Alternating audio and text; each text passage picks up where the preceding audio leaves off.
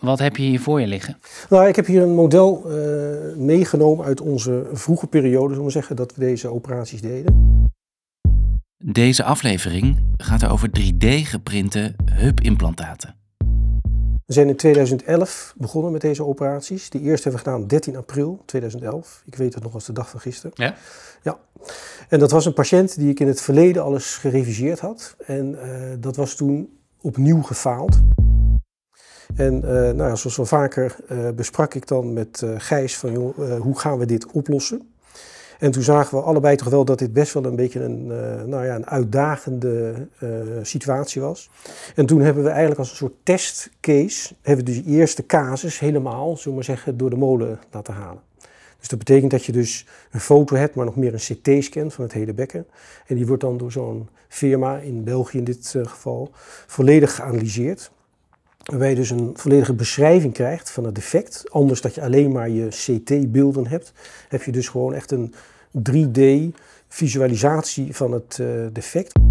Ja, dus je kunt het vastpakken. Je kunt het vastpakken als het geprint wordt, zullen we maar zeggen. En dan op basis van zo'n hele analyse wordt er dus ook een, ja, een reconstructief implant, uh, wat alleen voor die patiënt uh, geschikt is, wordt dan uh, uitgerekend en ja, tenslotte geprint. En, dan wordt er eigenlijk gewoon gekeken welk puzzelstukje mist en hoe, hoe moet dat ja, er dan uitzien. Precies.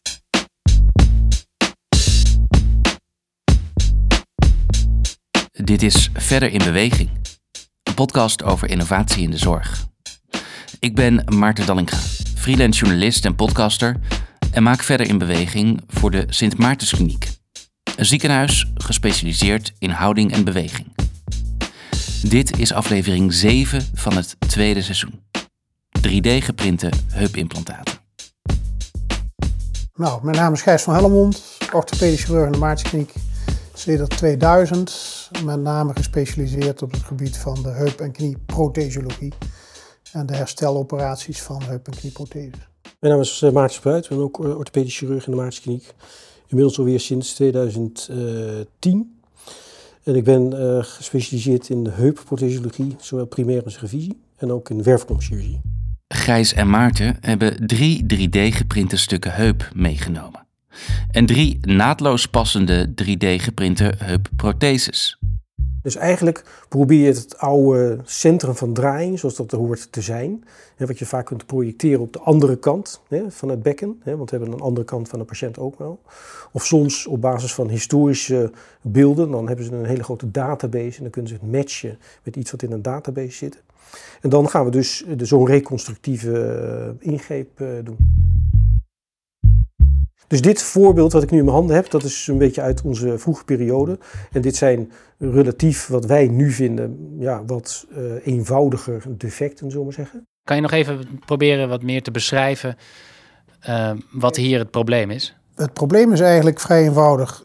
Als je meerdere heupoperaties gedaan hebt, en we hebben het nu eigenlijk altijd aan de kommetjeskant, waar we het nu over hebben, dan verlies je eigenlijk je natuurlijke botstructuur. Dus de anatomie van de structuur wordt anders, maar je verliest ook gewoon botstructuur. Dus er is minder bot beschikbaar voor verankering.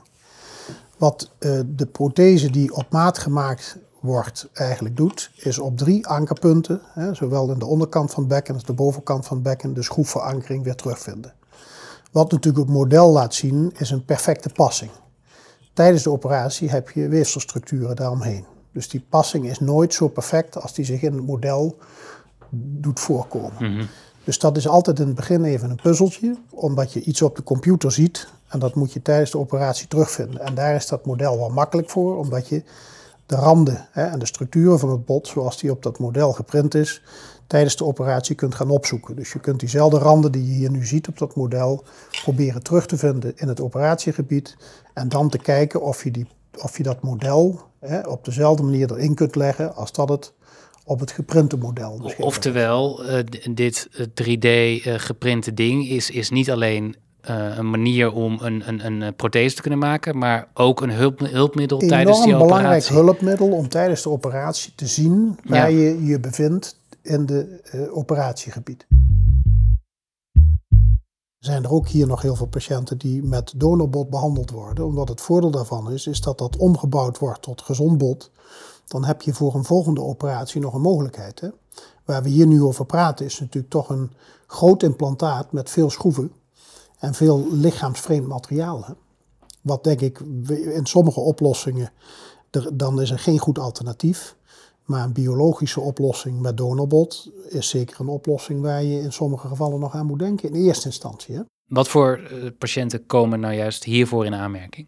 Ik denk dat je toch een beetje moet zoeken in de patiënt die multiple geopereerd is, hè, over het algemeen, dus meerdere operaties al gehad heeft en uiteindelijk gewoon de mobiliteit verloren heeft. Hè. Dus echt niet meer de heup kan belasten.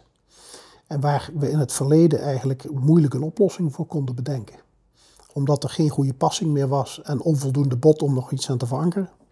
En voor die patiënten blijkt dat dit een hele goede oplossing is. Dat zijn dan mensen die eerder in een rolstoel belanden? Ja, die vroeger in een rolstoel belanden, denk ik. Ja. Veronique is zo'n patiënt. Ik spreek haar op afstand. Ik ben Veronique en ik ben 55 jaar bijna. En ik ben natuurlijk best wel vaak geopereerd ondertussen. Omdat ik ook aan twee kanten heupen heb. En eentje is er nu drie keer gedaan en de andere twee keer. Dus ik ben al vijf keer geopereerd. Wanneer ben je bij de Maartenskliniek terechtgekomen? Uh, dat is denk ik een jaar of zes nu geleden. Ik ben al heel erg lang geleden geopereerd aan mijn heupen. Uh, in Maastricht ooit. Toen was ik uh, in de twintig. Toen waren mijn heupen versleten, dus het kraakbeen was verdwenen. En toen heb ik daar heupprotheses gekregen aan allebei de kanten. Dat is dus al heel lang geleden gedaan. En ik ja, ben daar natuurlijk gedurende mijn leven mee bezig gebleven. Eh, ja, die, die heupen hebben heel lang goed gezeten, maar op een gegeven moment dan, dan is het klaar, dan is het op. Pijnklachten en ook wel kreeg ik moeite met lopen. Toen is er eh, in het Radboud is er een operatie geweest om die eh, te reconstrueren, het bekken. Die kop van die heup die zat bijna los. En toen hebben ze in het Radboud uh, hebben ze daar een uh, reconstructie in gemaakt. Maar dat is toen niet goed gegaan. En toen ben ik naar de Maartenskliniek gegaan. Terug naar orthopedisch chirurgen Gijs en Maarten. En wat ze met die planning ook doen, en dat is ook belangrijk natuurlijk, is de richting van de schroeven. Gaat de richting, eh, wordt gericht op de plek waar het bot nog het beste is. Mm want je moet je voorstellen dat als er veel bot verloren is, wat je in die andere modellen ziet, dan moet je het schroefje richten eh, naar de plek waar er nog goed bot is. Dus wat ze op die CT-scan niet alleen doen is een printing maken, maar ook nog een botdichtheidsmeting doen. En dan zullen die schroefjes de richting opgaan van het beste bot. Ja. En daardoor, dat, die informatie heb je normaal gesproken nooit beschikbaar. Dus de richting van de schroef is de richting die optimaal is voor de beste verankering van die schroef. Wat het implantaat eigenlijk altijd heeft, is drie zullen we maar zeggen, flangen, zoals het heet. Hè, drie uiteinden. Dus je hebt het kommetje. Vleugeltjes, wat, Vleugeltjes, ja. Dus je hebt eigenlijk een, een kommetje wat geprint is, met daar drie vleugels aan. En die drie vleugels die corresponderen met de drie belangrijkste onderdelen van het bekken. En die vleugeltjes komen dan precies op de zeg maar, plek terecht waar die drie bekkendelen elkaar moeten verbinden. Ja. ja en die worden dus inderdaad zo geprint, zullen we zeggen, en zo ontworpen, dat ze er eigenlijk maar op één manier goed oppassen. Ja. En dat is dus heel belangrijk tijdens een operatie. Dat je dus net zo lang zoekt. Oké, zo moet hij erop. Zo voelt het goed. Zeg maar het vingerspitsengevoel van het implantaat moet Dat kan je ook niet leren uiteindelijk. Nee. Ervaring. Dat is ervaring, ja. Kijk, en we hebben, nou ja, Gijs zei het al, we hebben al een aardig wat publicaties hierover. Hè. Dus we hebben een nauwkeurigheidsstudie gedaan van kunnen we ze er netjes inzetten. Nou, bij 80% blijkt dat dan zo te zijn. Dan zitten ze goed of zeer goed. Uh, die studie hebben we nog een keer herhaald. Nog eens een keer een groep van 16 patiënten. En wat we toen zagen is dat ondanks het feit dat de complexiteit bij de patiënten toenam. Dus de eerste groep, zullen we zeggen, die hadden meestal één of twee revisies gehad. Maar daarna werd het een groep die hadden twee of drie revisies al gehad. dus die komen dan voor de derde of de vierde operatie aan hun heup. Dus uh, ondanks dat was, zullen we zeggen, de uh, secuurheid van plaatsen nog steeds goed krijg je dus en een goede zullen we maar zeggen, aansluiting naadloos op je eigen botstructuur, waardoor er een grotere kans op ingroei gebeurt. En je krijgt daarna natuurlijk nog door de schroefverankering van die drie vleugels, eigenlijk vanaf een begin een meteen goed belastbare situatie. Hè? En wat bedoel je met ingroei? De achterkant van het implantaat hè, is gemaakt van een soort poreus titanium. Dus een soort netje eigenlijk als je ernaar kijkt. En dat wordt door het lichaam als heel uh, lichaamsvriendelijk uh, gezien. En we hopen dat de botstructuur aan de achterkant daar goed ingroeien, waardoor het implantaat natuurlijk niet alleen maar verankerd is door de schroeven die je geplaatst hebt om het uh, te verankeren, maar uiteindelijk ingroeit. Ja, ik zag dat wel meteen zitten. Dat vertelt Veronique als ik vraag hoe zij reageerde toen ze voor het eerst over de 3D-geprinte prothese hoorde. Ik heb gezien hoe dat, hoe dat in elkaar past. Dat heb ik thuis liggen. En dan zie je dus inderdaad een, uh, een heupkom en dan kan je zo klik passen. Het, uh, het, het, stukje wat ze daar uh, wat ze bij de operatie hebben aangebracht. Ik ben geopereerd met een lokale verdoving maar wel met een, met een roesje. Dus ik was maar niet zelf um, ja, wakker. Maar dan krijg je een, een, rugprik, waardoor dat je benen verdoofd zijn. En um, dat is eigenlijk daar uh, ja, heel goed verlopen, vind ik. De revalidatie daarna, dus het, het, het na-traject, je moet vrij snel weer uh, je bed uit. Ik mocht ook meteen bij deze operatie 50% belasten, dus ik mocht op mijn beide benen staan meteen na de operatie al. Nadat je uit het ziekenhuis komt, uh, ja, dan begint het eigenlijk pas. Want dan mag je een tijd lang 50% eh, belasten totdat ze zien en totdat eh, met een bepaalde tijdsduur, dan is die heup, zit die vast gegroeid aan het bot. En dan kun je langzaam maar zeker weer, weer gaan lopen zonder hulpmiddelen. Want in het begin loop ik met twee krukken hoe stabieler het is, hoe meer een patiënt er ook op mag gaan belasten. En we streven naar een situatie waarbij een patiënt na de operatie 50% mag belasten. En dat betekent in feite. Je bedoelt direct ja, na de operatie. Ja, dus de, de dag na de, operatie, na de operatie, het bed uit en mobiliseren. En in feite zeggen we dan tegen die patiënt: hier heb je twee krukken en je gaat gewoon tussen de krukken in lopen. Bij ander soort heupoperaties is na de ingreep veel minder belasting mogelijk. Ja, dit is uh, moeilijkheidsgraad 2, hè? Dit is moeilijkheidsgraad 2, precies. Nou, dus hier zie je dus een heel groot, een beetje wat lang gerekt uh, gat defect. Het gat is uh, veel groter dan bij het precies. eerste model. En je wilt nog steeds dat dat kommetje, het zender van draaiing, moet naar beneden geplaatst worden. Dus je gaat dit opvangen met een heel deel geprint titanium. Maar als je dan aan de binnenkant van die constructie kijkt, dan zie je dat er een mooie match is met het eigen bot van de patiënt. Dus dat er een heel groot stuk is waar dit kan vastgroeien. En dat dus niet alles terechtkomt op de schroeven waarmee je die vleugeltjes aan het bekken fixeert. Hoe uniek is het dat jullie dit doen op deze manier? Nou, kijk, op zich, uh, kijk, wij zijn in 2011 begonnen. Toen denk ik waren wij echt wel een van de eerste. En uh, langzaamaan uh, is dat volume wel wat toegenomen wij hebben er nou ja, zo rond de 100 gedaan, denk ik inmiddels. Zijn we nog wel actief met het vertellen hoe deze oplossing uh, doet. Hè? Dus we schrijven daar wetenschappelijk iets over. Maar we presenteren ook uh, nationaal en internationaal over de techniek. Ja, en dan krijgt het automatisch wat navolging. Hè? Dus er zijn meerdere mensen die het doen. Maar de aantallen die wij doen van 10, laten we zeggen gemiddeld 10 per jaar ongeveer, die worden er denk ik wereldwijd niet veel gedaan. Het goede nieuws voor ons is, is dat we eigenlijk tot op heden nog geen implantaat opnieuw hebben moeten uh, verankeren. En dat betekent dat dat heel veel beter is dan wat er in de literatuur tot op heden beschreven is, hè, over een aantal jaren gezien, omdat dat altijd een operatie was waar vroeger veel uh, uh, falen mee gepaard ging. Hm. En waarom gaat het nu dan veel beter? Omdat je dus een goede zeg maar, verankering hebt van het implantaat tegen je eigen bot.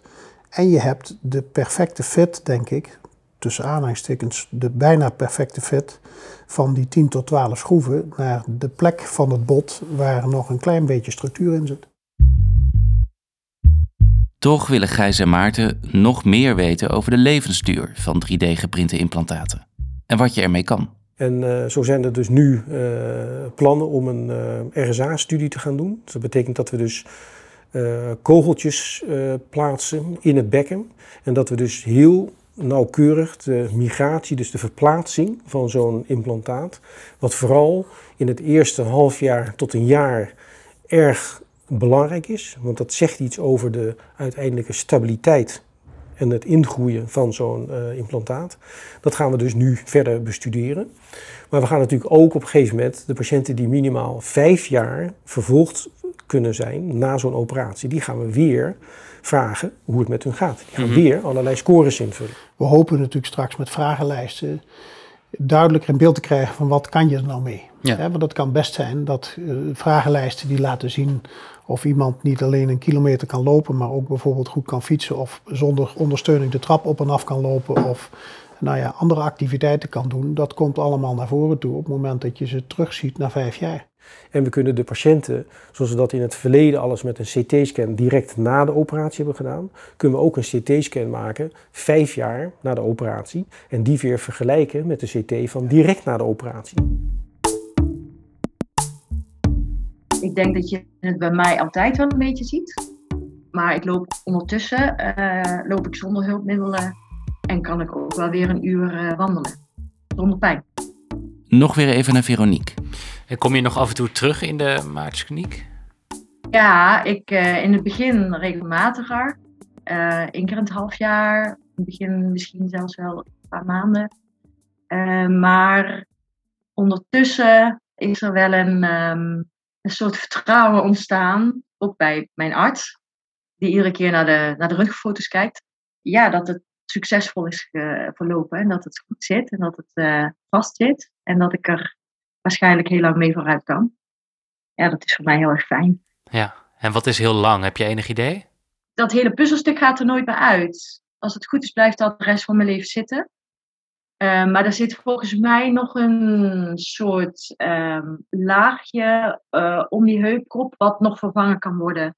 Dus een soort eh, iets waardoor het in, in die kom kan, kan, kan bewegen. Ja, een soort glijmiddel of zo. Wat kleinere operaties zijn, ja.